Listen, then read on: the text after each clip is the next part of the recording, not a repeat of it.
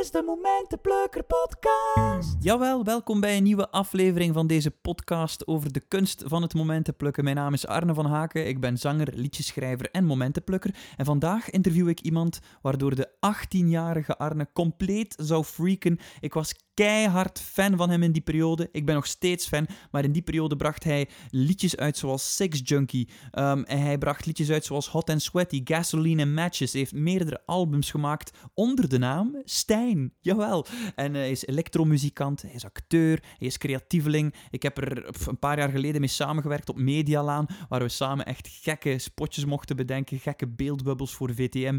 En ja, de vonk was onmiddellijk overgeslaan. Ik heb ook een periode samen met hem gezongen in Radio Oorwoud. Dat is zo een, een, band voor, uh, voor kinderen en jongeren, waar we liedjes zingen over de natuur en over alle leuke dieren daar. Uh, dat is een band van WWF opgericht. Dus uh, intussen ken ik hem al een tijdje. Het is echt een goede vriend geworden en hij is echt een momentenplukker puur sang. Elk moment samengebracht, samengeplukt met Stijn is een onvergetelijk moment. Want ach, hij is zo uniek, hij is zo cool.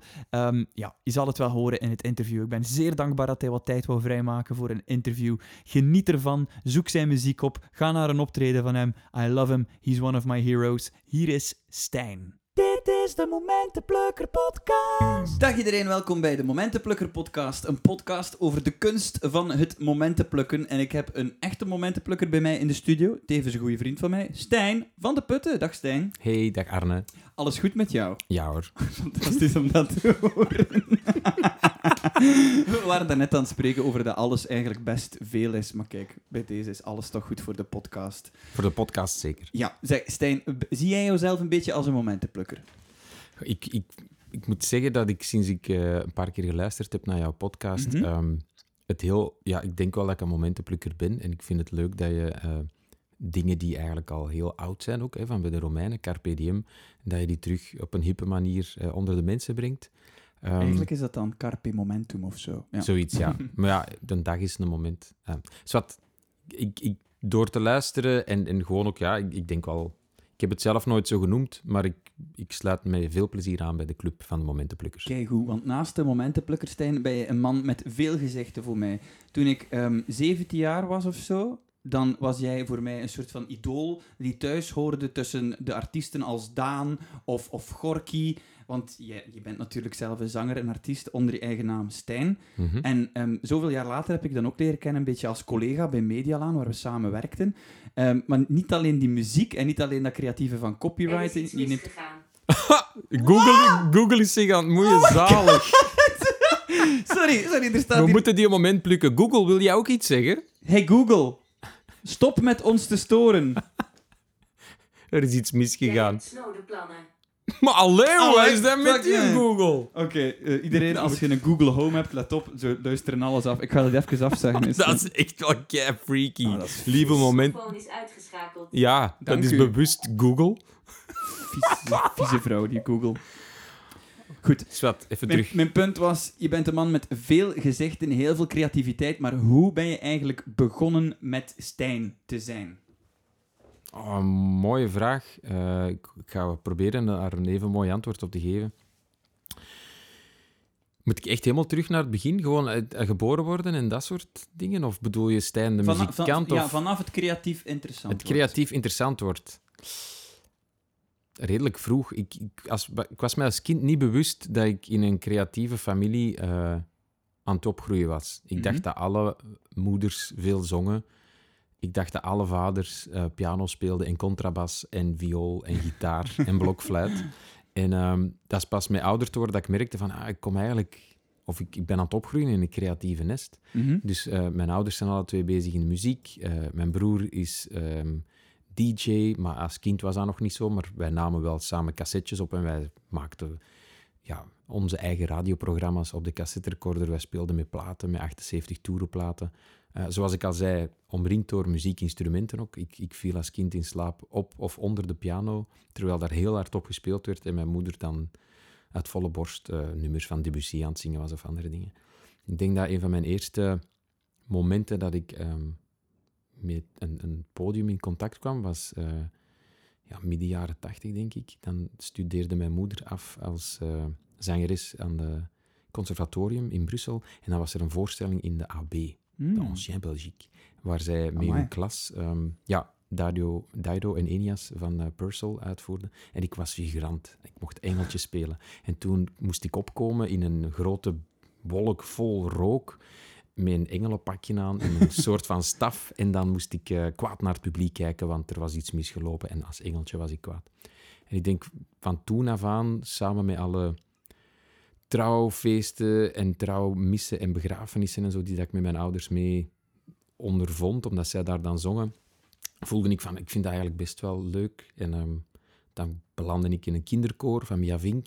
Het eh, op dat moment nog koor dat ehm, mee verantwoordelijk was voor alle kinderopvoeringen in, eh, in opera's. Maar het was wel al duidelijk dus dat je een, een muzikaal talent had toen. Voor mij niet. Oké. Dat was evident, of dat was er gewoon. Ja, Dat kwam vanzelf, Je zingt ja. graag. Hè? Mhm, Dus mhm. Ik dacht dus ook, iedereen zingt graag en iedereen doet dat goed.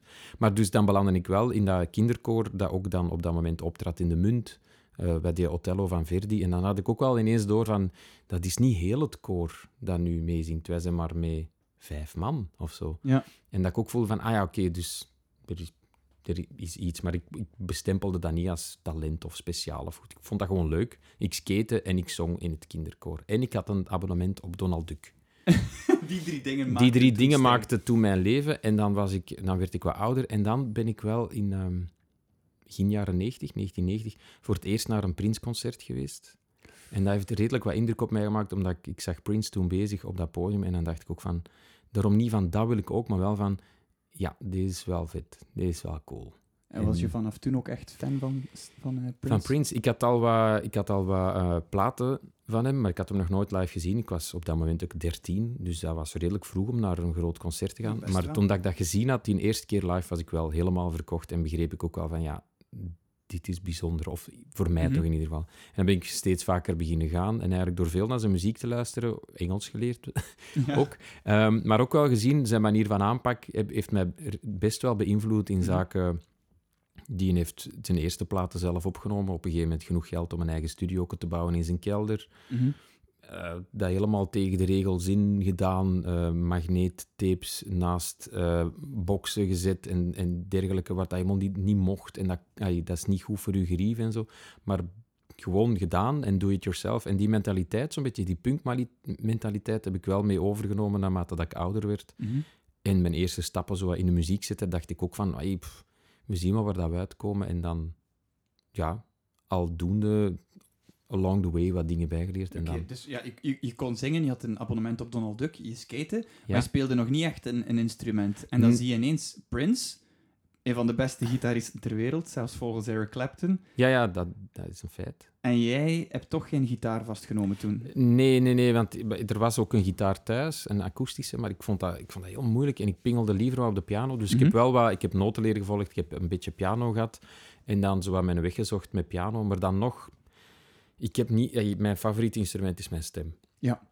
Ik doe heel graag, eh, mocht ik kunnen, ik zou alles met mijn stem doen. Ik, Mhm. ik, ik werk ook graag met een looppedaal om dan mijzelf in koortjes op te nemen of evengoed eh eh, zelf instrumenten na te bootsen met mijn stem en zo. En, want ik vind dat wel het snelste en het makkelijkste werken. Oké. Maar dus naast je stem heb je vooral dan piano geleerd. Mm, Ja, als ik dan iets geleerd heb, is het piano, ja. En Ja. een beetje accordeon. Accordeon ook. Ja. Heb je dat ooit gebruikt op een podium? Mm, ja, toen ik het studeerde wel. Ik heb een jaar op Studio Herman Teirling gezeten. Ehm, en dan heb ik dat wel tijdens mijn, ja, mijn acts gebruikt. Maar daarna niet meer echt, nee. Dat vind ik wel straf. Ik heb altijd ook zo stiekem de droom gehad om op Studio Herman Terling te belanden. En ik heb het nooit gedurfd, omdat dat met een ingangsexamen was Mhm. en zo. Jij hebt daar een jaar gezeten. Wat heb je daar vooral uit geleerd? Hmm, ik, ik, ik, ga positief proberen blijven. Hè. Maar wat ik zelf gewoon gemerkt heb, was van ja, je komt daar binnen met een bepaald talent. Ay, toen was dat zo. Ik weet niet, en voor mij, dat is mijn verhaal. Voor andere mensen misschien anders. Ik kwam binnen met een bepaald eh, talent blijkbaar, want ik mocht beginnen. Hè. Ik besefte ook van, ik had dat jaar heel veel ingangsexamens gedaan. Ik mocht zo wat overal beginnen waar ik mijn ingang- ingangsexamen had gedaan. En, maar ik besefte ook van, dat ga ik dan doen, hè, want dat is tof. Dat zijn niet veel mensen die dat mogen doen. Ik heb daar heel zot gedaan in die ingangsweek, want dan heb je een, een week en dan wordt, je nog eens, hè, wordt er gezegd van oké, het is goed, je mocht echt beginnen. Ja, dat is wel interessant, want je hoort altijd zo van die verhalen over ingangsproeven en zo. Ja. Vooral bij acteurs waarschijnlijk. Ja. Bij muziek is dat misschien minder. Ik, had, ik was voor toneel gegaan in het begin. Ah, oké, voor toneel. Ja, En, en toen stond nog in het boekje dat er veel uren muziek bij zaten. En uiteindelijk was het helemaal niet waar. en wat, Dus was jouw, ze- wat was jouw ingangsproef? Mm, mijn ingangsproef, ja, dat waren verschillende dingen eigenlijk. Dat was niet doen, doen komkommer na of, Ja. of, of dat soort dingen. Dat was helemaal niet het geval. Er waren verschillende mensen aanwezig, zoals een Manu Kersting, een, ik denk ook een Pieter... Nee, een... Oh shit, hoe heet... Een, een, een van de Embrechtse. Pieter of Tine? eh, Nee, nee, nee. De... er Bert. Bert, Bert was daar de inderdaad. bassist, Bert Onze lieve Bruid. Bert, ja. Ja. Ehm, en Jan de Cler was daar en nog andere mensen. Het waren verschillende mensen. En dus eerst gewoon ja, een, een opgelegde tekst. Je kreeg een tekst die dat je moest doen. En een eigen tekst mocht je ook doen. En dan daarna, weet ik het eigenlijk allemaal niet meer zo goed. Ja, dan ging dus een liedje zingen ergens. Dan kreeg je een liedje van, ehm van Remo van het Groenewoud. Ik heb je graag, maar het regent weer vandaag. En dan nog een ander, eh, ik weet niet meer zo goed, van Charles Aznavour of het een of het Het was dus wel veel zingen, ondanks dat het voor Het was, een, toneel ja, het was voor toneel was het ook een beetje zingen en zo. Maar dus tijdens die ingangsweek, hè, want dan zit je daar ineens een week en dan eh, mocht je verschillende dingen doen. En dan heb ik gewoon ja, wat leuke dingen gedaan en wat geprobeerd. En ik had zo na die ingangsweek iets van, oh wauw, tof, ik mag hier beginnen. Alles wat ik nu deze week gedaan heb, leg ik opzij. Want daarmee ben ik aangekomen, dat kan ik. Mhm. Dus ik wou nieuwe dingen leren en op mijn bek gaan, want ik had, ik had daarvoor woordkunstdrama gedaan en ook gewoon dingen geleerd en op mijn bek gegaan. Ik vond dat heel leuk. Maar dus gaandeweg merkte ik van, ah, eigenlijk veel mensen die hier zitten, Mhm. ontwikkelen het talent dat ze al hebben verder, door eigenlijk verder te breien op wat ze al kunnen. Ook een keuze, ook goed, maar voor mij, ik zag daar geen uitdaging in en ik vond dat heel vervelend. Dus ik zocht altijd, ik zocht destructieve kanten van mij op donkere kanten. eh, ik zocht van alles uit, maar dat werd niet zo gelezen. En helaas, ehm, na een jaar zei ze ook van, "Pff, ga nu even een jaar iets anders doen en komt dan terug. Echt? Ja. En wa- waarom zeiden ze dat? Omdat ze gewoon het gevoel hadden van hoe we hem willen kneden, dat is niet wat dat, Dat hij ga, wil. ja, dat lukt nu niet. En het vreemde ook bij mij was dat ik heel punctueel was. Ik was, eh, ik was vaak een van de enigen die aanwezig was tijdens de ochtenddansles op donderdag of vrijdag, omdat een dag ervoor dan iedereen was gaan drinken op café. Wat ook belangrijk was, maar mij op dat moment niet boeide. Ik was een van de enige mensen die ook in Antwerpen woonden. Andere Mhm. mensen zaten op kot. Ik woonde nog thuis. Dus ik zat in een heel andere sfeer. En Ja. Ja, ik was altijd heel netjes op tijd en ik was er en ik was vaak alleen met die ochtendlessen. Hè, dat, dat kwam toch vaker voor. En dat konden ze daarna ook heel moeilijk rijmen van allee, alles klopt en je hebt goede punten voor alles, behalve voor uw eindwerk dan en voor uw ruimtelijk bewustzijn, wat ik ook heel bizar vond. Ruimtelijk bewust. Nou, dat was zo een, een, een, een, Een vak. een vak, ja, waar je dan in de ruimte dingen moest doen. Maar misschien dat ik dat inderdaad ook, ben ik niet zo ruimtelijk bewust. dat Ik was mezelf niet bewust van ruimtelijk bewustzijn, dat dat iets was. Mm. Grappig. Maar dus na een jaar, na een jaar de, de wegen scheiden tussen Herman Ja. Terlink en jij. Ja, en dan ben ik naar, eh, naar Brussel gegaan, naar eh, het Sint-Lucas. Mhm. eh, film gaan studeren en dan na een paar jaar experimentele film. En eh, dan, was ik ook, dan was ik op een gegeven moment wel uitgestudeerd. En dan had ik voor mezelf ehm, uitgemaakt van, witte, ik ga gewoon ik ga muziek maken, popmuziek. En, ehm, Als in professioneel. ja, zo van, ik geef mijn, ik voor geef-. Ja, voor mezelf. Ik geef mijn eigen een jaar. En als het dan niet lukt, dan eh, moet ik wel terug iets gaan doen. En, En hoe, binnen- oud was je toen? Ah, was ik al wel 26, denk ik. Ja. 5, 26. En dan had ik zoiets van, oké, ik ga dat nu doen. En als ik dan binnen het jaar eh, met harde feiten kan komen, dat goed is. En dus een paar maanden later stond ik in de AB Club als voorprogramma van Gonzales. Ik had ondertussen een cd'erke gebrand. Ehm, een dubbele cd'er. Ik vond het belangrijk dat dat een dubbele was. Die heette nummer 000. En ehm, dan heb ik, ja, niet lang daarna... Ik speelde eerst dan wat in Kraakpand en zo in Antwerpen. Maar dan mocht ik ook eens in de Kaiman spelen. En dat concert had ik dan op een cd gebrand. Samen met nummers uit mijn studio. En dan had ik, ehm, ja, ben ik beginnen meer en meer te spelen op verschillende plekken. Zelfs in Nederland en in, in Duitsland op een gegeven moment ook. Ehm, Wacht even. Voor, voor alle aspirerende muzikanten ben je wel zo iemand die een verhaal vertelt dat weinig hoop geeft voor hen. Want vaak hoor je zo het verhaal, ik zeg maar, van from zero to hero. ja, En dat is dan van, ja, door hard werken en, en veel tegenslag. En dan kom jij hier en heb jij een soort van verhaal van, ach, ik, eh, Allee, je hebt natuurlijk wel een beetje gezocht in je studierichting. En dan, oh ja, na een paar maanden stond ik ineens al eh, in de AB. Eh, ja, Dat, is wel zot. Dat was zeker zot. En het leuke was dat dat ook... hey, dat, was, dat was tof, hè. Want dat, dat stond op mijn lijstje van... Hier, ik, ik liep daar een paar maanden ervoor ook langs en ik zei tegen mijn toenmalige vriendin... Hier wil ik graag spelen. Ik had daar als kind dan al gestaan. Inderdaad, hè, in die rook met dat afstudeerproject van mijn moeder. Maar ik wist wel ondertussen... Ja, dan ging ik ook naar concerten in de AB. Dus ik had zoiets van... Oh, wauw, cool zou dat zijn. Maar dat is zo fascinerend, want oké, overduidelijk zit een gast met veel talent. Hè. Alle ingangsexamens dat je deed, was het erdoor. Heel De meeste, niet de alles. meeste, maar, sorry. ja, ja. Dan ehm, heel vroeg al met muziek bezig. Er niet van bewust dat andere mensen misschien minder talent Mhm. hebben om te zingen en zo. Dus talent heb je. Maar dan heb je nog, nog vaak mensen die zeggen: Ah, hij heeft veel chance gehad. En ik, dat vind ik wel een keer interessant om te horen. Wat is jouw visie op mensen die zeggen: Oh, die heeft chance gehad? Of, Ik snap dat, dat mensen dat zeggen. Mhm. En ik wil dat tot op een bepaalde hoogte ook geloven. Maar ik denk dat heel veel mensen onderschatten wat er allemaal bij komt kijken. We hebben die, je hebt die boek ook gelezen, denk ik, die oranje boek, hè, eh, The Subtle Art of Not Giving a Fuck. Van Mark Manson. Ja.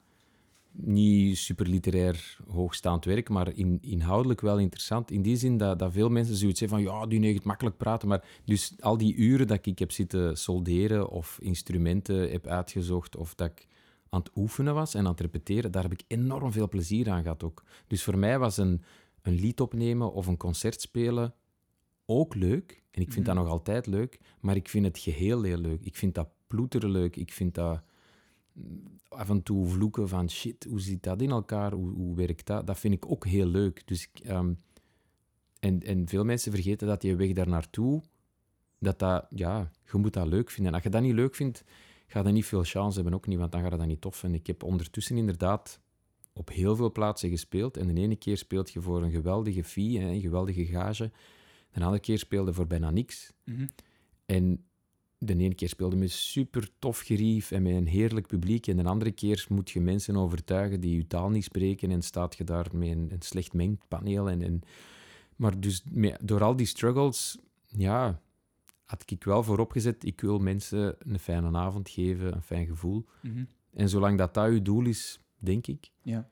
En dat, dat je het doel niet te ver buiten jezelf ligt, genre ik wil in de boekjes komen of op de radio, ja, dan heb je misschien ook al rapper chance, omdat je, dat, Ja. omdat je niet met dat andere stuk bezig bent. Want je had jezelf een jaar gegeven om eh, het professioneel te maken, laten we Ja. zeggen, of ervan te kunnen leven. Maar als je jezelf maar een jaar geeft, dan moet je toch ergens wel heel... Allee, eh, hoe zeg je dat? De, de koe bij de horens vatten en Ja, denken van, oké, dan heb ik wel een radiosingle nodig, of dan moet ik wel eh, die persoon aanspreken en zo. Dus je was toch daar ook wel mee bezig dan? Ja, maar op, op, niet op, ja, op, op mijn manier, snap je? Mhm. Daarom ben ik eh, mijn eerste ding dat ik heb uitgebracht, op mijn label uitgebracht. Mijn eigen label. Dat Het heet ook Mijn Het Label. heet mijn label, M-I-J-N-L-A-B-E-L. E Dat is mijn stempel die dat ik ergens op druk, gewoon. That's it. Dat is ook op al mijn platen die ik tot nu toe heb uitgebracht, want binnen dat jaar had ik ook mijn platencontract bij EMI. Amai. Daar staat ook mijn... Nee, EMI, niet EMI. Ik was onder dat de indruk. keiflauw.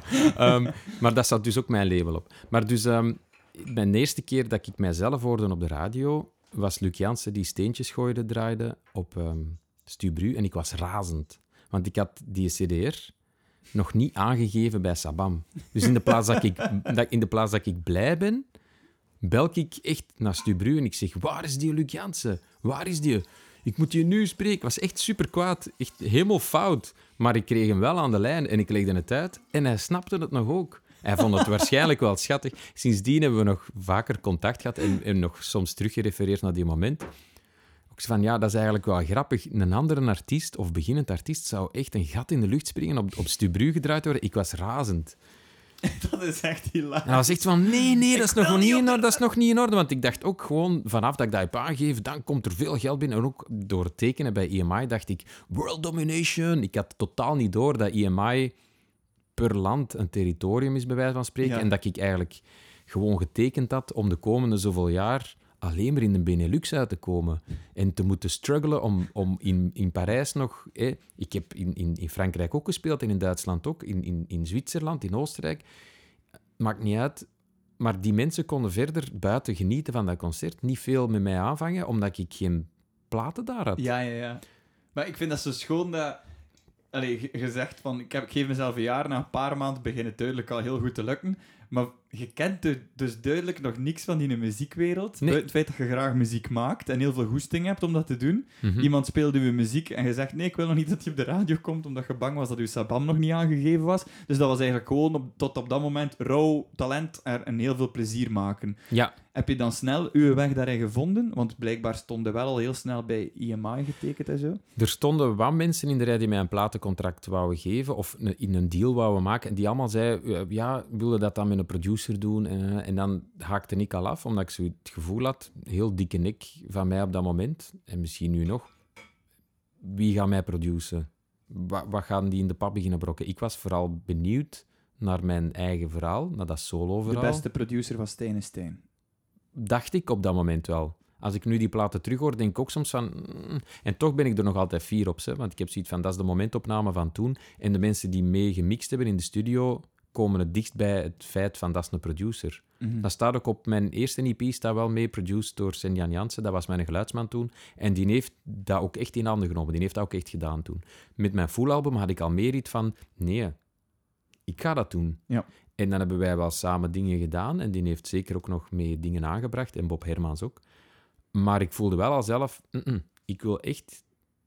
Prinsgewijs misschien. Ik wil die credits zelf... Ja. En ik, wil ook, ik ben zelf benieuwd naar waar dat ik voor zou kiezen. Mm. Want vanaf dat een producer dat doet... Alle respect voor alle producers op deze wereld. Dan wordt dat al gekleurd. En ik had daar toen geen... Ja, ik had daar toen geen oren naar. Kan je jezelf inbeelden of, of voor jezelf zeggen waarom dat, dat was dat je nog maar een paar maanden bezig was en dat je plots wel al meerdere platenfirma's hadden die vroegen voor je platen? Wat maakt dat een beginnende band zo op de radar komt bij verschillende majors? Of. Omdat ik heel veel ging spelen. Ik speel super graag. Ik voel ook, ik ga het verschil nooit maken in een plaat. Ik, ik kan nu nog eens zeggen van ik wil heel graag nog eens een plaat maken, maar het liefst van alles sta ik op een podium. Mhm. En dat is ook waar dat ik zelf denk dat ik het verschil kan brengen. Ik sta er alleen, ik doe mijn ding en mensen houden van mij of van wat ik doe of niet. En de mensen die van mij houden, houden er redelijk hard van. Die zijn Ja. echt, als ik mensen nu tegenkom, nog altijd op, op de Gentse feesten of ergens anders, maakt niet uit. Stijn-fans tussen haakjes, die, die komen echt super eerlijk en lief naar mij toe en die zeggen echt, amai maat, ik was vroeger keiharde fan van u. Wanneer brengt jij nog eens iets uit? En ja, ik kan dat moeilijk anders uitleggen. Ik heb gewoon een, een, een heel lief, trouw gevolg, zeg maar. Of mensen Ja. die, mij, die mijn muziek waarderen, die ook als die nu terugkomen kijken en er met hun kinderen staan, die hebben echt van, yes, deze is het. En dus het feit dat je... Veel mensen zeiden ook als mijn platen uitkwamen, "Hmm, ik vind hem live toch beter.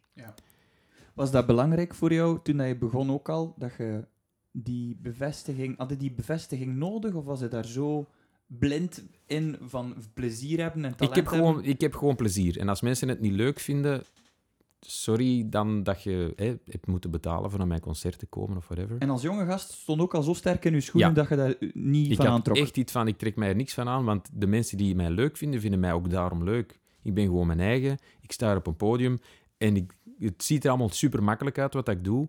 En dat vind ik ook heerlijk. Ik, heb, ik zou het liefst van al hebben dat iedereen soloartiest wordt en Mhm. het gewoon doe. Want het is heel makkelijk om aan van de zijlijn te zeggen, oh, die heeft chance gehad en ehm, ja, eh, dat is niet moeilijk. Doe het maar, echt waar. Go for it. Maar dus hey, zonder een slecht gevoel, maar voor de rest heb ik vooral iets van, ik vind dat leuk. Ik ben blij dat mensen eh, met een leuk gevoel naar huis gaan. Want, allee, wat ik wel straf vind, is dat je zegt, je bent... Allee, ik wil dat iedereen solo-artiest wordt, maar het beeld dat ik heb van een solo-artiest is ofwel een zanger die bijvoorbeeld achter een piano zit, of achter een gitaar. Want dat is zo, als je solo optreedt, dat Mhm. zijn zo de twee opties die het meest voor de hand liggen. Maar jij zit echt een, een one-man band eigenlijk wat geworden, door heel veel synthesizers en drumcomputers en zo. Hoe zit je daarbij terechtgekomen om eigenlijk op een podium te staan met heel veel machinerie? Oh, in het begin was dat weinig machinerie. Dat is wat Ah, ja. meer geworden, gelijk als een gitarist meerdere gitaren heeft.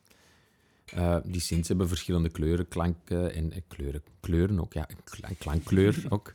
Ehm, ja, ik merkte... Ik heb wat groepen gehad. Ik heb mijn tweede plaat ook met, met eh, bevriende muzikanten en muzikanten dat ik had leren kennen gemaakt.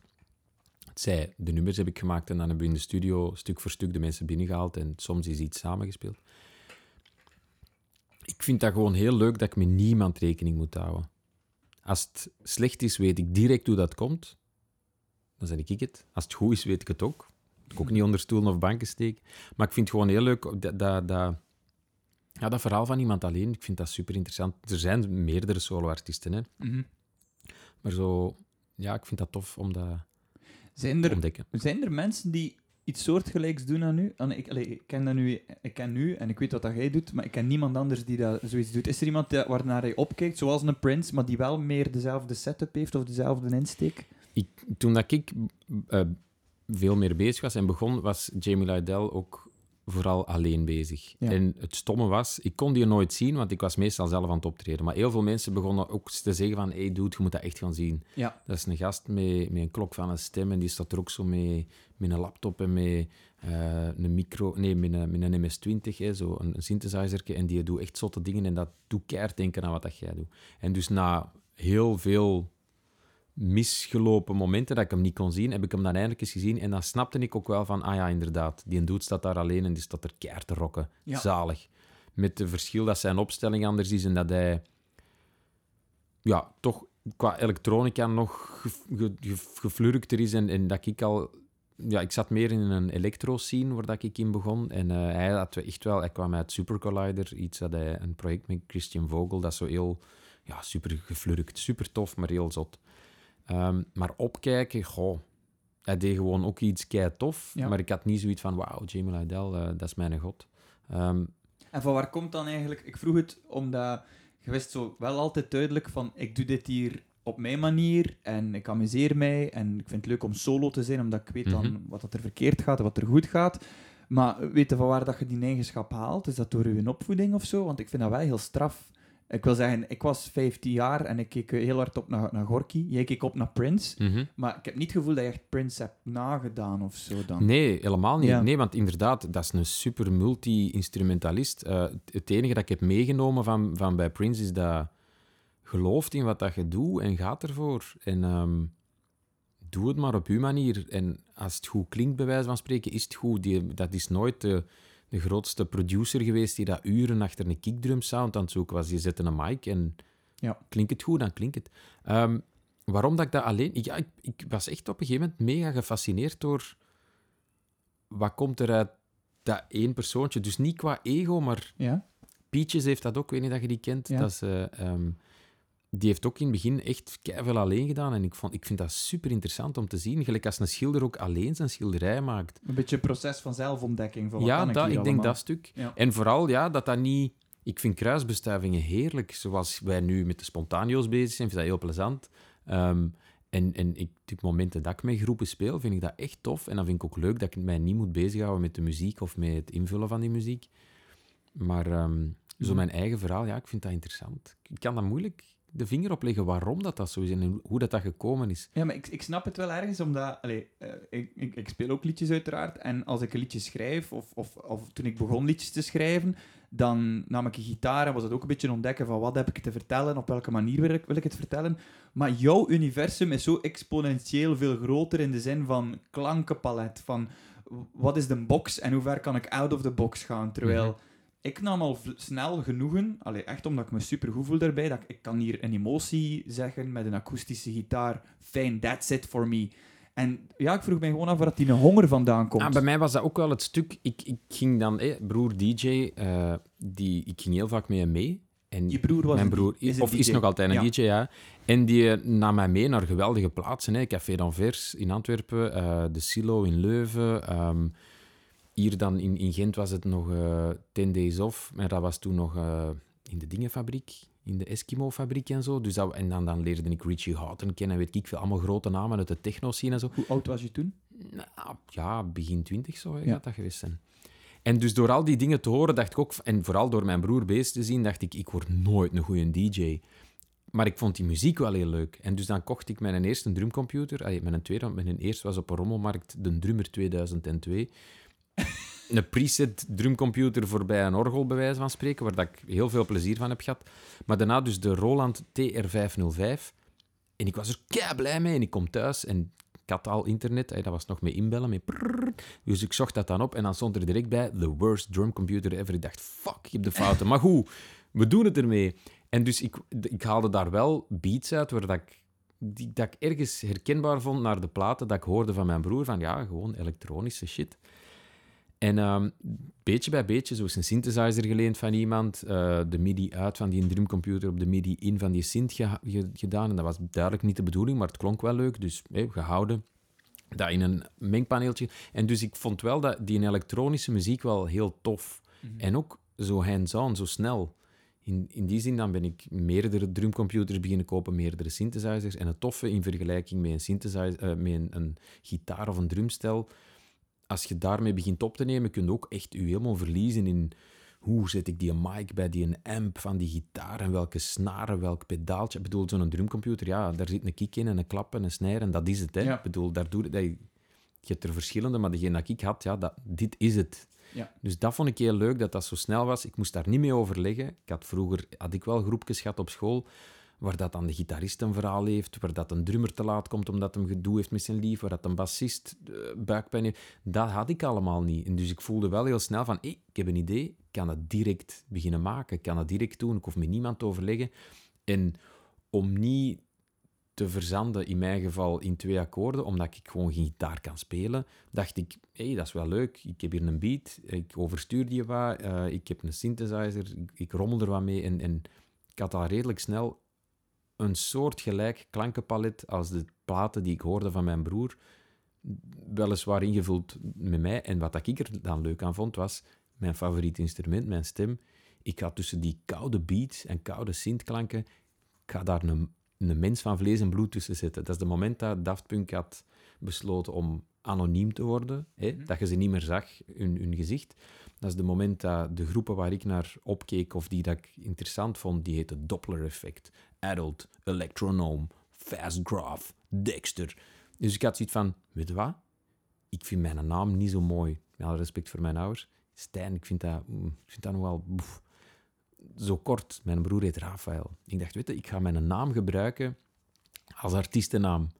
En dan ga ik dat misschien wel leren goed vinden. Dan vind ik dat misschien wel tof, Stijn. En dus om tussen al die electronic acts als Stijn te staan, dacht ik, nee, dat is goed. En ik zing. En ik zing in het Frans, ik zing in het Nederlands, ik zing een stukje in het Italiaans. Ik, ik doe af en toe een streepje opera ertussen van ehm, die een opera van Verdi dat ik als kind gezongen heb. En zo had ik iets van, weet ik ga mijn universum, dat ik leuk vind, waar dat ik vandaan kom, ik ga dat vertalen in mijn muziek. En dat zonder daar heel bewust over na te denken, wel eigen maken. Dus niet van, ik ga dat liedje maken zoals een die, of dat zoals een die, of ik ga Prince nadoen en, en op gitaar Purple Rain leren spelen. Ja. Ik dacht gewoon, nee, ik doe het met wat ik nu heb en hoe dat, ja, hoe dat, dat voor mij het snelste gaat. En dat was zo. Had je dan zelf al snel een soort van gevoel geleerd, of een aangeboren gevoel van, ah, zo zit een song voor mij in elkaar, dit klinkt leuk? Eh, eh, kwam dat van nature? Want allee, je hebt nooit Purple Rain leren spelen op gitaar. Vaak is het doordat je covers leren spelen en je weet van, ah, strofe, bridge, refrein. Jij was daar volgens mij niet mee bezig. Nee, dat klopt, want daardoor ook... ehm, als ik in de studio was en we, waren dan, we begonnen dan... dan zat er iemand die dat mee opnam, die zei echt van... Wow, dude, eh, waarom doe jij daar, als jij dat speelt, dat acht, acht maten lang en dan dat maar twee en dan dat terug zeven en dan terug vier? Ik ja, dat is gewoon qua gevoel. Voor mij voelt dat zo. En dus al altijd, als ik platen heb gemaakt ook, ik, ik bevind mij in een live omgeving, zeg maar. Ik heb alles aangesloten, ik probeer alles in één keer op te nemen. En dan speel ik gewoon op gevoel. En daarmee dat ik ook niet tel zoals dat iemand met een scherm aan het tellen is en zegt van oké, dat duurt 16 maten, dan vier, stroof, eh, vier, vier maten dat en dan terug 16. Ik doe dat keihard op gevoel. Dus ik, ik heb nooit heel hard dat gevoel gehad van zo zit een song in elkaar. Eh, Heb je dan nooit geen bagger gemaakt in het begin van je carrière? Allee, ik wil zeggen... Tuurlijk, nu nog. ah, ja, bagger. Ja, oké, maar Gewoon- ik wil zeggen bagger in de zin van... ehm, in het begin weet je toch niet echt hoe dat een song werkt. En dan maak je veel dingen. Maar jij had blijkbaar wel een instinct van... Oké, dat zal misschien wel bagger zijn, dus ik ga dat nooit op een plaat zetten of zo. Of misschien wel, ja. Ik bedoel, ik vind dat... Maar als je nu uw CD 000 herbeluistert... Die CD... Ja, dat echt. moet je echt kunnen. Ik dat zou dat is niet echt kunnen. een topschijf. Ik vind dat... Ik, ik, en nu probeer ik dat soms nog opnieuw, die setting te hebben van... Ja? Damn, mijn mindset toen was echt zo rauw van... Deze is het en Ja. zo moet het klinken. Nu, ik nam dat op op minidisc Dat comprest die shit helemaal plat. Dat is een heel ander soort compressie dan dat je in een dure studio hebt. Dus je, je, je drukt alles naar... Ja, ik, ik beeld nu uit, beste luisteraars en luisterettes. Met plat. mijn handen hoog, eh, ver van elkaar en dan dicht bij elkaar. Er moet iets verdwijnen. Op het moment dat je iets op minidisc opneemt, dat is eh, de voorloper van een mp3 eigenlijk, er verdwijnt iets, maar andere dingen worden in de verf gezet. Ja. Als ik die nu hoor, dan denk ik, shit maat, die sound... Ik moet mijn best doen om die terug te hebben. Mensen Zalig. refereren daar nog altijd naar van, amai, toen klonk hij echt rauw en graaf. Toen zat er geen persoon tussen die iets mixte of deed. Of zo. Dat was gewoon, ik speel een song, ik heb nog veel minidiscs liggen waar dat ik dan ook aan het proberen ben. Maar vaak was dat ook, dat, dat moest in één take, dat was het. Ja, Ik zong en ik speelde tegelijk, ik verstak kabeltjes, ik, ik, ja, ik was Ja. bezig. is het altijd blijven spelen gelijk een kind eigenlijk. Ik In zou niet weten waar... Met Ja, synthesizers. Met synthesizers en met drumcomputers. En ik zou ook niet weten waarom dat ik daarmee zou moeten stoppen, want dat is eigenlijk dat is echt heel leuk. En iedereen mag dat doen. Is- dat een van de, als we de levenslessen van Stijn kunnen vragen? hè, Hoe, hoe oud ben je nu trouwens? Ik ben nu 42. Als 42-jarige wijze man, wat zijn zo de lessen dat je getrokken hebt uit je muziekcarrière? Of uit leven. Ik het uit het leven nog Uit het leven is ook Ik goed, heb, hè? er is een van mijn, van mijn lievelingskinderfilms, is Doenderklompen. Die ken ik niet. Doenderklompen is een film, een Zweedse kinderfilm, denk ik, Zweeds, met muziek van Toets Tillemans. En het, hoofd, het is een, eh, een animatiefilm die zich afspeelt in een realiteit. Dus een beetje gelijk als Roger Rabbit, hè, dat was ook zo'n getekend konijn, maar daar waren ook echte beelden bij. Ja. Dus dat is ook zo'n film. Er is een mooie Nederlandse versie van. Ik denk zelfs dat je die op YouTube kan zien. En anders... Doenderklompen. Doenderklompen. De DVD kan je ook wel ergens vinden. Doenderklompen, hoofdpersonage, is op dat moment ook in de 40 en die zegt, ik ben nog altijd wie ik ooit was.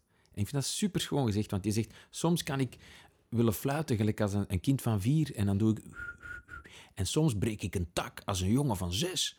En dan ben ik weer 18 en dan zo overloopt hij eigenlijk verschillende leeftijden. En ik heb zelf ook wel dat gevoel van, soms heb ik echt zin om zelf, ik heb zelf twee kinderen, om met mijn kinderen eh, super banaal eh, op een hele rare manier eh, met een boterham op te eten. Of om ehm, als we in bad zitten met schuim kuiven te maken van ons haar. en, en op andere momenten sta ik terug op een skateboard in een minipipe. En dan heb ik wel een beetje meer schrik dan vroeger, omdat ik als zelfstandige denk van, fuck, als ik nu iets breek, dat is niet goed voor het werk. Maar toch, dan, dan, dan skate ik terug, of ik rolschaats nog altijd heel graag. Ehm, er zijn nog allemaal dingen die dat ik in mijn afgelopen jaren tot nu toe heb gedaan, waar dat ik nog graag naar teruggrijp en waar dat ik met veel plezier op dat moment terug even 18 mij wil voelen of, of iets doe dat ik zou doen als ik 18 ben of 5. Of...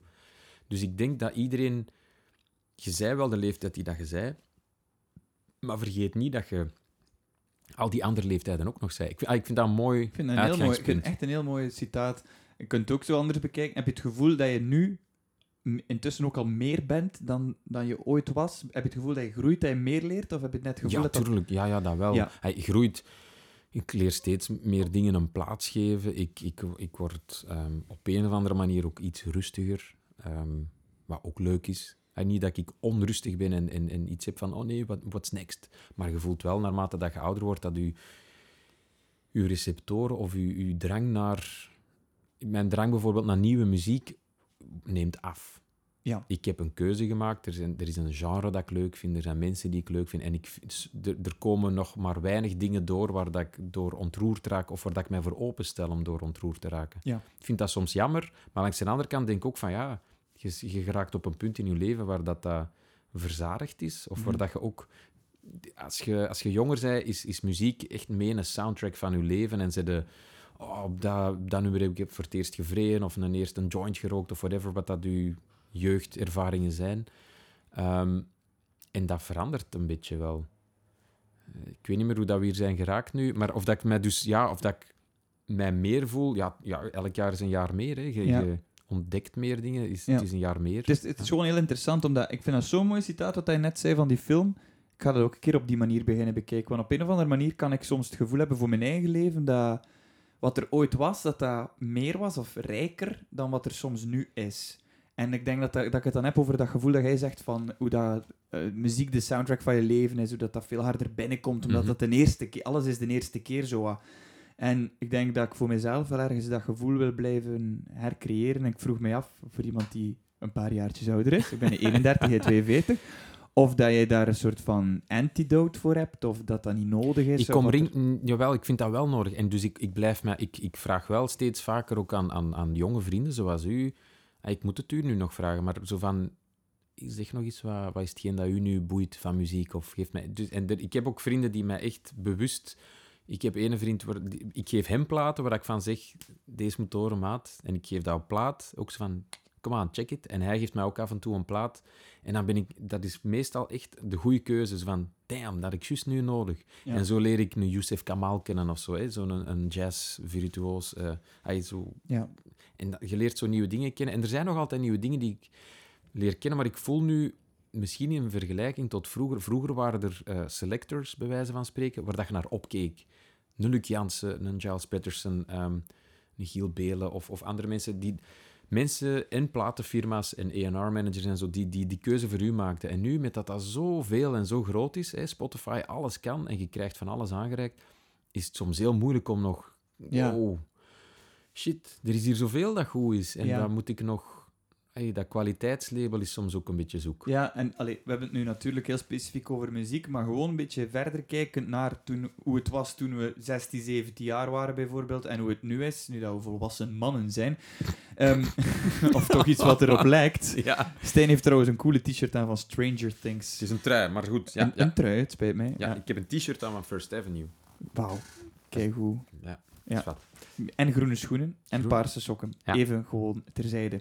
Maar wat ik wou zeggen is, nu we groot zijn, denk ik, heb ik soms het gevoel dat voor veel mensen, en voor mij ook, alles vaker lauw is. En dat het vroeger meer koud en warm was. Zo van, oeh, dit is helemaal niet tof, of dit is fantastisch. En als je ouder wordt, kun je dat vaker zo wat, wordt dat misschien wat afgevlakt, of past dat een beetje in dezelfde compressie van je minidisc, dat dat meer Mm. zo'n worst wordt. En ehm, ik denk dat het ook te maken is met, eigenlijk dat je zegt van, op Spotify is ineens alles is mogelijk. En vroeger hadden een selector en ineens ontdek je een juweeltje of zo. Ja. En ja, ik weet niet, mis je dat soms niet? Allee, ik ga er nu vanuit dat het misschien voor jou ook soms wat lauwer wordt. Dat- misschien is ja, dat niet, voor mij, misschien worden, is dat nog altijd... voor mij worden, worden sommige reisbestemmingen lauwer. Ik weet dat ik op... Ik had op een gegeven moment twee keer opgetreden in Japan.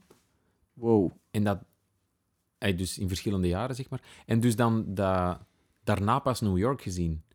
Dus ik had eerst Tokio meerdere malen gezien. Ja.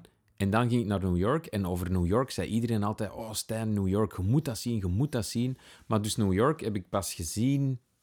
Na twee keer Tokio. Ja, en toen ik 38 of 39 werd of zo. Ik heb daar toen mijn verjaardag gevierd met twee collega's. Superleuk. En ehm, ja, ik merkte wel van... Ah ja, tof, deze New York. En dus ondertussen heb ik ook op vlak van reizen... Dat klinkt heel decadent, maar zo voelt dat dan ook. Ik heb wel meer nodig dan... Oh, wauw. Allee, ja, zo, ik, ik ben niet meer zo rap onder de indruk. En Ja. dat, dat gaat alleen maar meer worden, omdat je meer ziet. Ik ben dan een keer...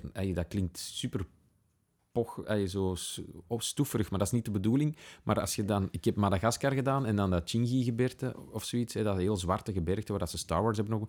Dat is fenomenaal, dus dat is, dat is de max. Ja. Eh, ehm, gelukkig heb ik eerst IJsland gedaan, want IJsland is ook mooi.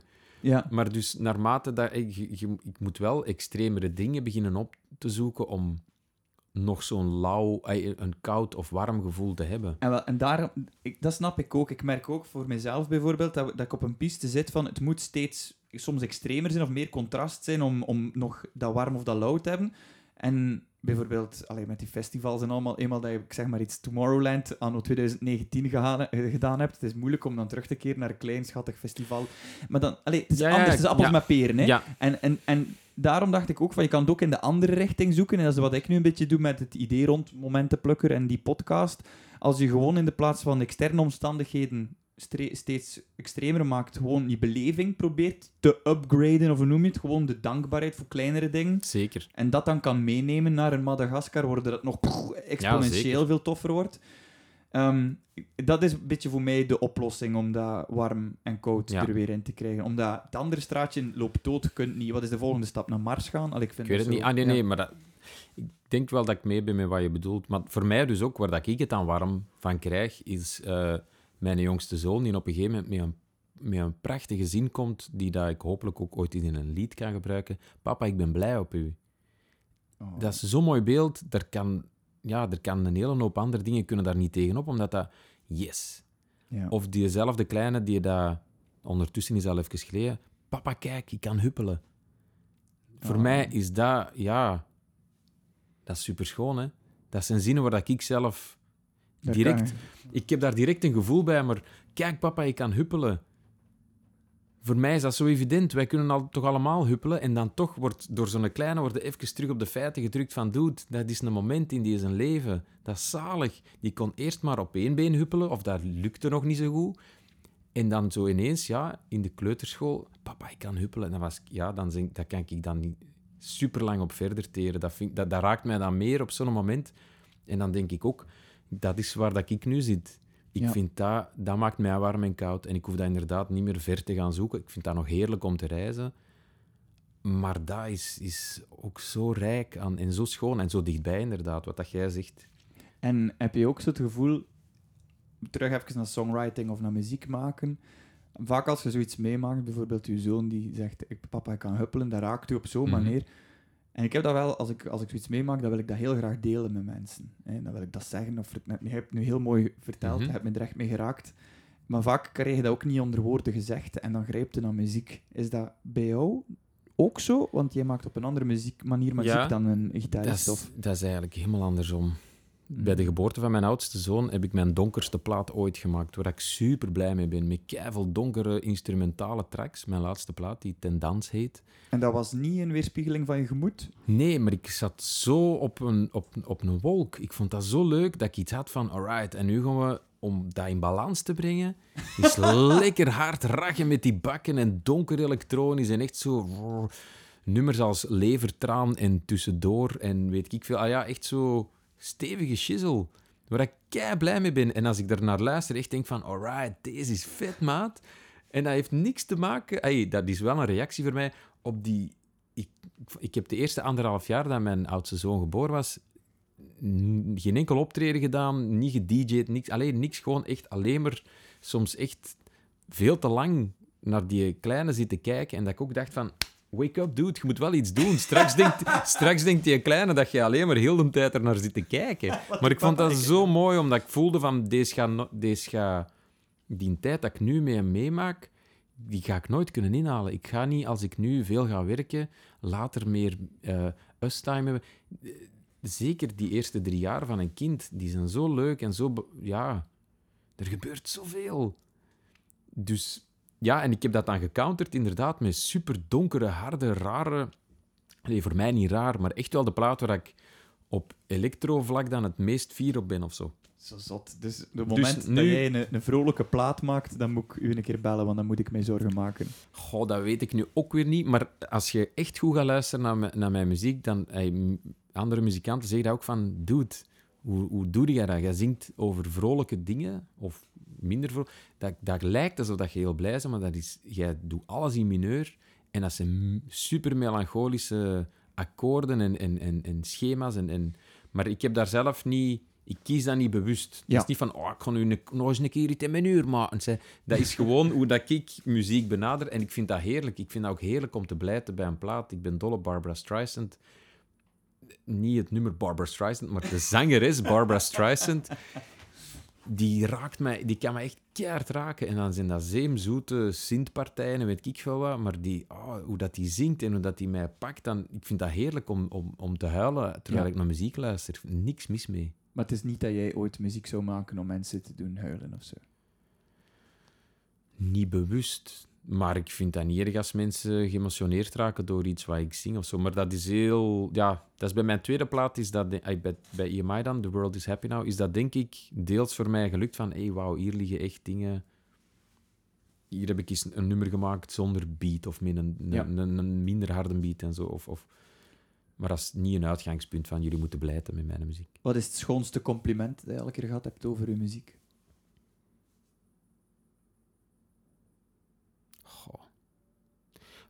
Ik kan er niet één uithalen, maar ik vind het super tof als mensen na een concert komen zeggen dat ze zich geamuseerd hebben. Dat ze keihard hebben moeten lachen. Vind ik heel plezant. Want dat is niet... Pas vaker daarna dringt de muziek door en hebben ze door van... Wat heb ik eigenlijk allemaal gehoord? Maar die hebben gewoon een leuke tijd gehad, zijn even weg geweest. En het andere stuk, ik heb al wel vaker mensen gehad die zeggen van... Amai, Ik had het toen echt heel moeilijk en uw muziek heeft mij er toen doorgeholpen. Hmm. Of u, u de vrolijkheid in uw muziek.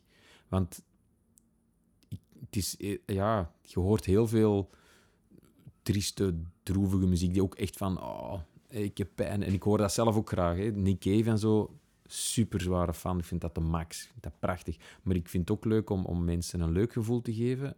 Wat ik ook muzikaal probeer af en toe. Dus als mensen vrolijk worden van iets dat ik gedaan heb, vind ik dat echt wel tof. Dat, vind ik gewoon, dat ben ik al heel blij. En gewoon, ja, als mensen eerlijk komen zeggen dat ze genoten hebben van iets, dan ben ik al blij met dat compliment. Ja. Hoeveel platen heb je nu gemaakt? Als ik heel eerlijk alles stel, dan heb ik dus eerst die een dubbel CD, die een nummer 000, dan EP 01, dat is mijn eerste EP'tje bij EMI, dan Euphoric, dan eh, The World is Happy Now, dan eh Tendance. En ik heb vorig jaar nog een nieuwe CD uitgebracht eh, in november en die heet 2111, omdat dat op 2111 uitkwam. En heb je nog zin om een nieuwe plaat te maken? Ik durf dat bijna niet meer te zeggen, eh, omdat dan mensen daar dan op gaan zitten wachten. Maar op zich, met momenten denk ik, ah, ik zou het nog eens moeten doen. Echt zo een, een volledige nieuwe plaat mee.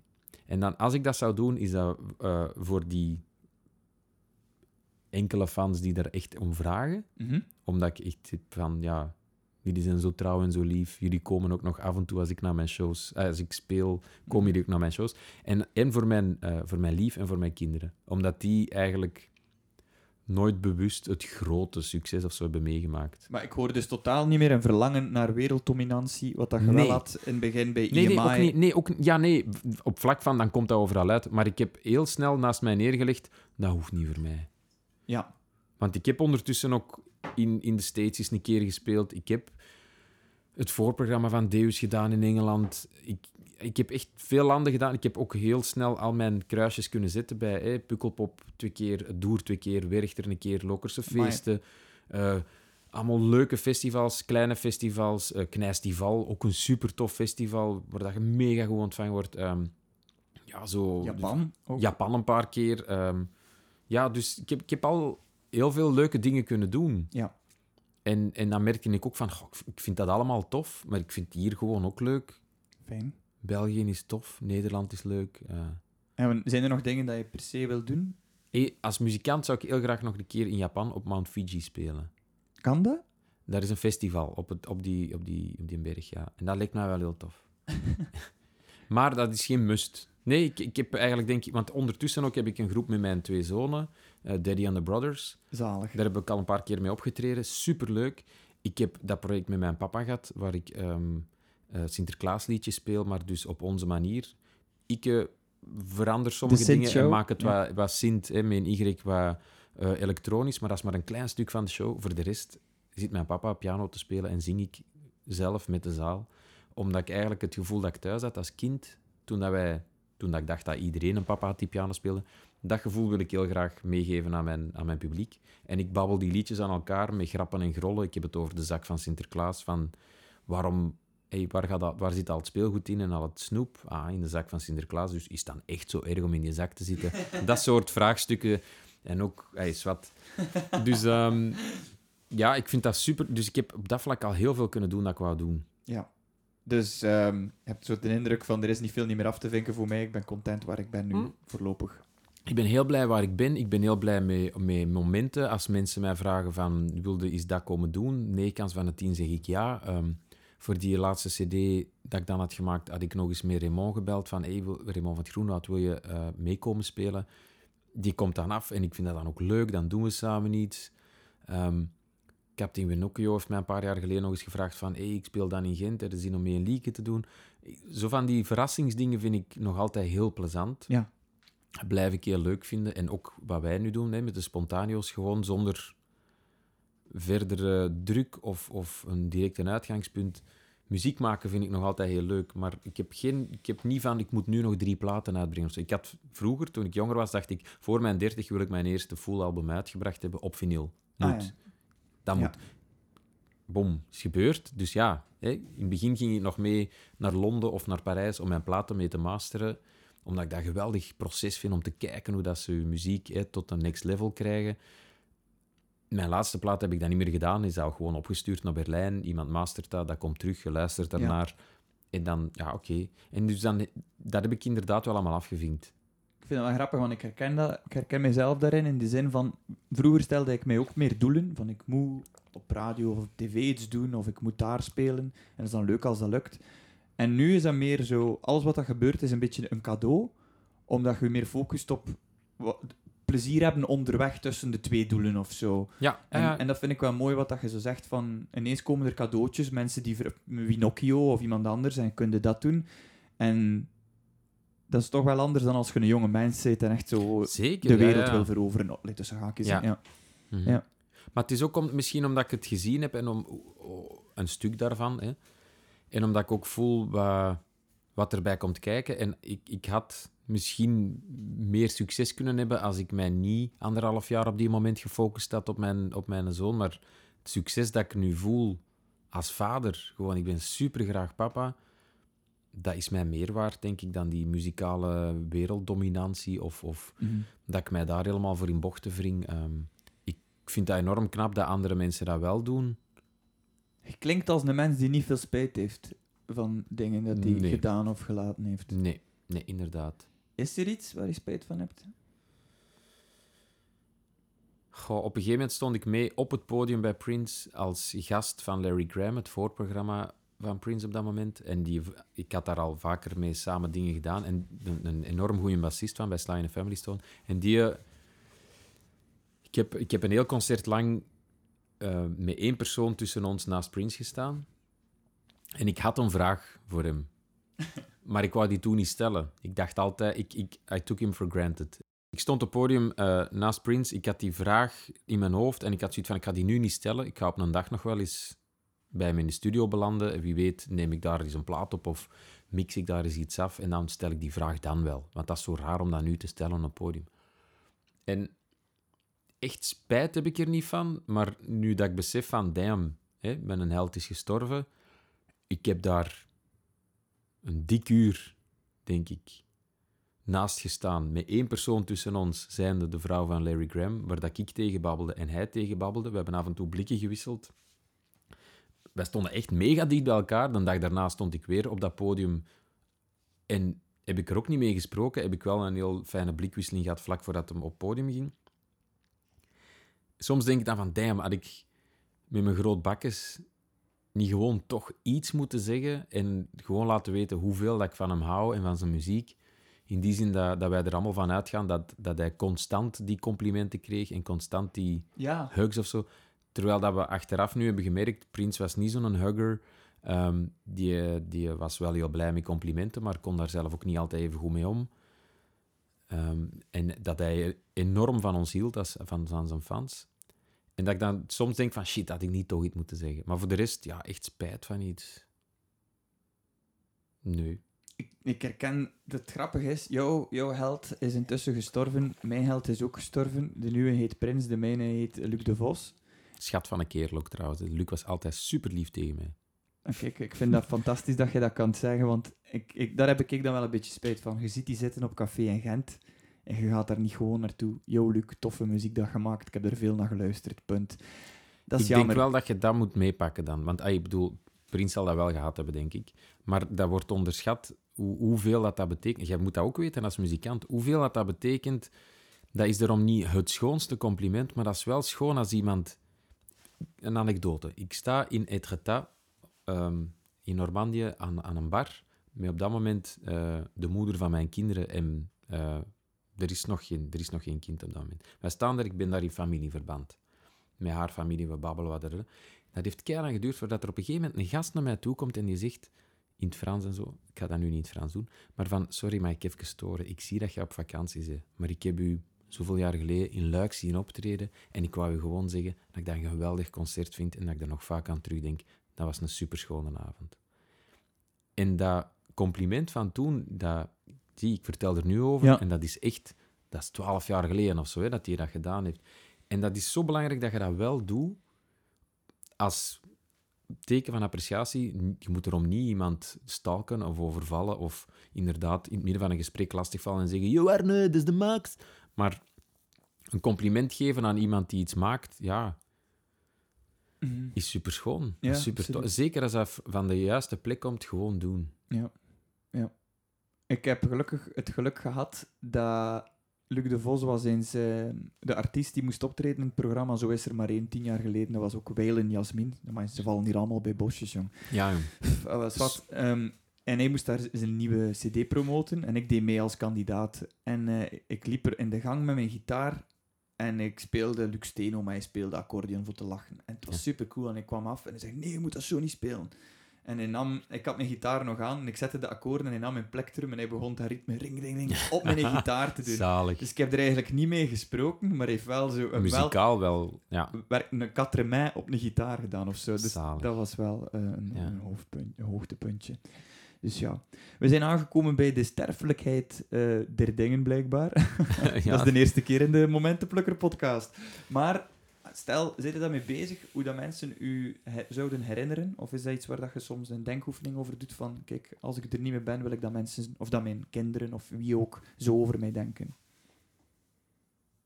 Mm, soms. Vroeger meer dan nu. Ah ja.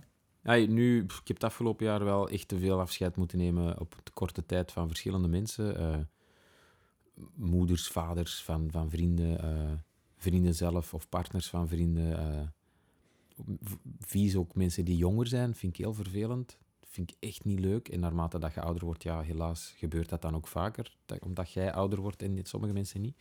Maar zelfs een kind begraven eind vorig jaar, klasgenoot van, van mijn oudste zoon. Kind dat dan elf is, dat, dat, raakt u keihard. En wat ik dan, ja, die vergankelijkheid waar je het over hebt, of het, sterven. ehm, ja, ik, ik denk er alleen maar op die manier over na. Dat ik hoop dat de mensen die op dat moment van mij afscheid moeten nemen, dat die dat doen zoals dat zij dat willen doen. Ik heb ondertussen gemerkt dat dat maakt tot, ik ben er dan niet meer. Dus dat maakt totaal niet uit hoe dat Ja. ik daarover denk. Mhm. Ik hoop dat de mensen een leuke dag hebben en dat het fijn is. Dat Ja. zou ik misschien wel voorop kunnen stellen. Klinkt wel raar om daar nu over te praten, maar ja, het hoort erbij. Maar ehm, voor de rest ja, hoop ik dat ze een, ook nog, nog kunnen lachen met dat ik hun aan het lachen heb gemaakt. Of dat ze... Ze moeten van mij niks meenemen. Iedereen moet zijn eigen leven leiden. Maar dat, als, dat mag een leuke dag zijn van mij. Ja. Voor mij, stel dat ik iets zou mogen zeggen op uw begrafenis. Wauw, wat een leuk thema.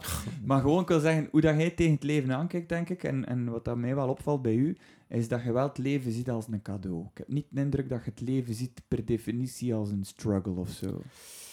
Of zie ik de verkeerde... dat, zie je, dat zie je misschien toch, ja, dat is dan misschien toch een stuk. Ik, ik wil het graag zien als een cadeau, maar ik heb even goed, en deze gaat heel hard klinken, en ik heb er ook gesprekken over met mijn partner.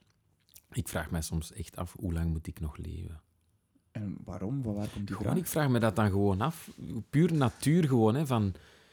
Hoe lang duurt deze nog? Niet dat ik het niet leuk vind, maar ik stel mij soms wel echt die vraag van...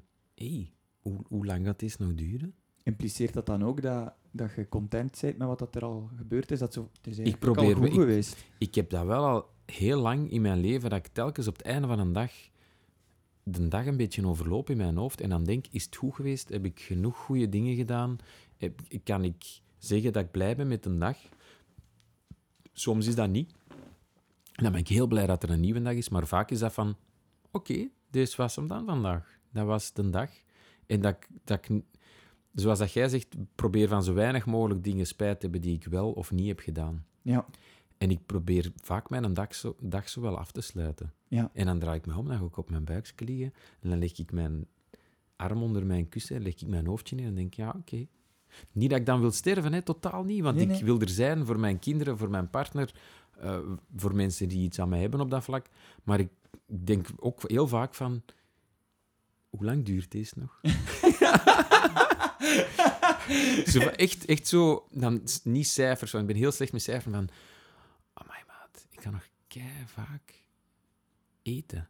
Ik ga nog kei vaak eten gaan halen in de winkel en dan gaat, dan ik ga dat dan klaarmaken en dan gaat er dan terug uitkomen en dan, ga ik weer dat doen en dan ga, ik ga nog kei veel ademen. En ik, oh hoe lang gaat dat nog duren? Ik vind dat wel interessant om daarover te praten. Ook omdat je merkt wel zo van, je kunt geluk hebben in het leven. Het feit dat we hier geboren zijn in België en boven de armoedegrens leven en allemaal superveel geluk. Maar je kunt ook, dat geluk hebben is niet hetzelfde als gelukkig zijn. Hè? Dat, Nee. is, dat is een oefening dat je Nee. doet met alles wat dat je meemaakt, positieve en negatieve dingen. Het is niet de kaarten die je bedeeld zijn, maar hoe dat je het spel speelt. En dat vind ik wel een interessante babbel. Van, kijk, dat is nu zoiets, een soort interne monoloog dat je kunt hebben s'avonds. Van hoe evalueerde uw dag Ja. en bij uitbreiding uw leven. Dat is ook een beetje wat de, sto de, sto de Stoïcijnen of zo deden in de, de Griekse oudheid. Dus ik vind het wel fijn dat je ook zo ja, van, die, van die dingen doet daar waar, ik, waar ik mezelf wel in herken. Dus ik weet niet of ik jou nog een heel lang leven mag toewensen, maar Dat mag zeker, ja, want ik heb ook nog het gevoel dat ik nog... Ik wil nog van alles doen, hè. ik hoop het ook voor mij, want ik vind het heel leuk met jou in mijn leven. Ja? Dus alleen al uit Oh. egoïsme wens ik jou een heel lang, lang leven voor. Maar het enige waar ik, ik eh, op dat vlak, dan, dat is niet iets van spijt, maar waar dat ik dan eh, niet naar uitkijk, is dat ik zo oud word dat, dat ik... Ik wil mijn kinderen niet weten sterven, dat wil ik niet meemaken. En ik wil ook echt niet zo oud worden dat ik al mijn vrienden weet vertrekken. Want dat, ik, dan ben ik heel egoïstisch, dan wil ik liever ervoor gaan. Ook in mijn, Ja. in mijn relatie ook, heb ik ook echt iets van... Sorry schat, maar ik... eh, het liefst van al met z'n tweeën dan in een wanhoopsdaad als we zoiets hebben van... Oké, come on, we hebben er genoeg... We- of we hebben er genoeg van, we gaan met een helikopter ons laten crashen op, eh op Koekoeksklan of het een of het ander. Nog een goede datum Ja. tussen stellen, ja, ja. Zat, maar voor de rest, nee, ik, ik heb nu totaal geen, geen doodwens of zo. Nee, dat is een, Nee, helemaal niet. dat is een heel goede titel voor de podcast. Ja. Zo. Het interview met Stijn, ik heb totaal geen doodwens of zo. De Oh. momentenplukker podcast. Maar Nee. ik, ik heb wel als, als, als redelijk vroeg in mijn leven al wel beslist: hé hey man, ik ga focussen op het positieve, want het negatieve dat komt vanzelf. Daar, moet ik mij echt, daar hoef ik niks voor te doen. Ik ga gewoon kijken. Oké, ik sta hier in de file, wat is hier leuk? hey, doe mijn schoen uit en ik kan bellen met mijn schoen. En ik weet nu al dat de mensen naast mij gaan lachen. Dus dat doe ik vaker. Dat doe ik vaker. Dan zit ik daar, dan doe ik mijn schoen uit en dan zit ik er en dan zie ik... Ik doe nu teken, het is voor u. En dan nog, hoe serieus dat die zakenman of zakenvrouw naast u in een auto ook is, ik, voor mij is een dag dan al goed begonnen. En ik zoiets van, haha, ook al vonden ze het stom, ze hebben gelachen en ze gaan dan niet op vergeten dat er naast hen iemand in de auto zat die met zijn schoen zat te bellen. Weet je dat je zo net op een geniale manier de mindset van een momentenplukker hebt omschreven? Van, kun je nog één keer zeggen? Focus op het positieve, want het negatieve, dat komt vanzelf. Miljard. Daar heb je geen focus voor nodig, want dat komt vanzelf. Je gaat je teen stoten aan, dat, aan die hoek van dat bed. En dan zou ook eens kunnen zeggen, oh, bedje, gaat het? dat je het gewoon, draai het gewoon om. Fantastisch. Ook met dat sollicitatiegesprek dat niet goed gaat. Zeg gewoon, nee, nee, je hoeft mij niet te bellen. Ik bel wel wel. Boom. En dan draai je het om en waarschijnlijk keren die job niet, maar je hebt wel die mensen doen. What the fuck? Oh, fantastisch. Je draait de situatie om en geamuseerd je Fantastisch. Dat zijn al een paar mooie voorbeeldjes van ehm, typische steenmomentjes om te plukken. Maar als, als het gaat over een momentje plukken, wat, wat is voor, voor jou cruciaal daarin? Als je denkt van, ah ja, een momentje plukken, daar praat daar nu over, dat is een podcast ook. Ik snap dat wel, een momentenplukker. Maar wat is er voor jou cruciaal om een moment te plukken? Dat is in de moment zijn. Ik doe dat ook met mijn live concerten en zo. Zijt daar. Als er iets fout loopt, doe daar iets mee. Als er iets misloopt, pak dat vast. Als er... Ik heb dat ook als mensen aan het bellen zijn tijdens mijn show, vraag ik ook... Het is al gebeurd dat ik echt... Dat ik, ik, zit, ik gooi alles stil. Kom, geef die telefoon hier. Waarom zit jij niet hier? Eh, of, of... Ja, gewoon, als, maak gebruik van die moment. Ja. Laat het moment u niet gebruiken, maar gebruik die moment. Doe, doe, gaat ervoor gewoon. Omdat je pak het vast, want je kunt het wel vastpakken, sommige dingen. Er zijn dingen die je niet kunt vastpakken, zeker. Ja, ja. Je staat in die kakveel en je moet pissen. Dat is waar, dat is echt niet leuk. Dat is ook een stress dat ik heb. Ik heb stress als ik in de tunnel zit in Brussel. Mhm.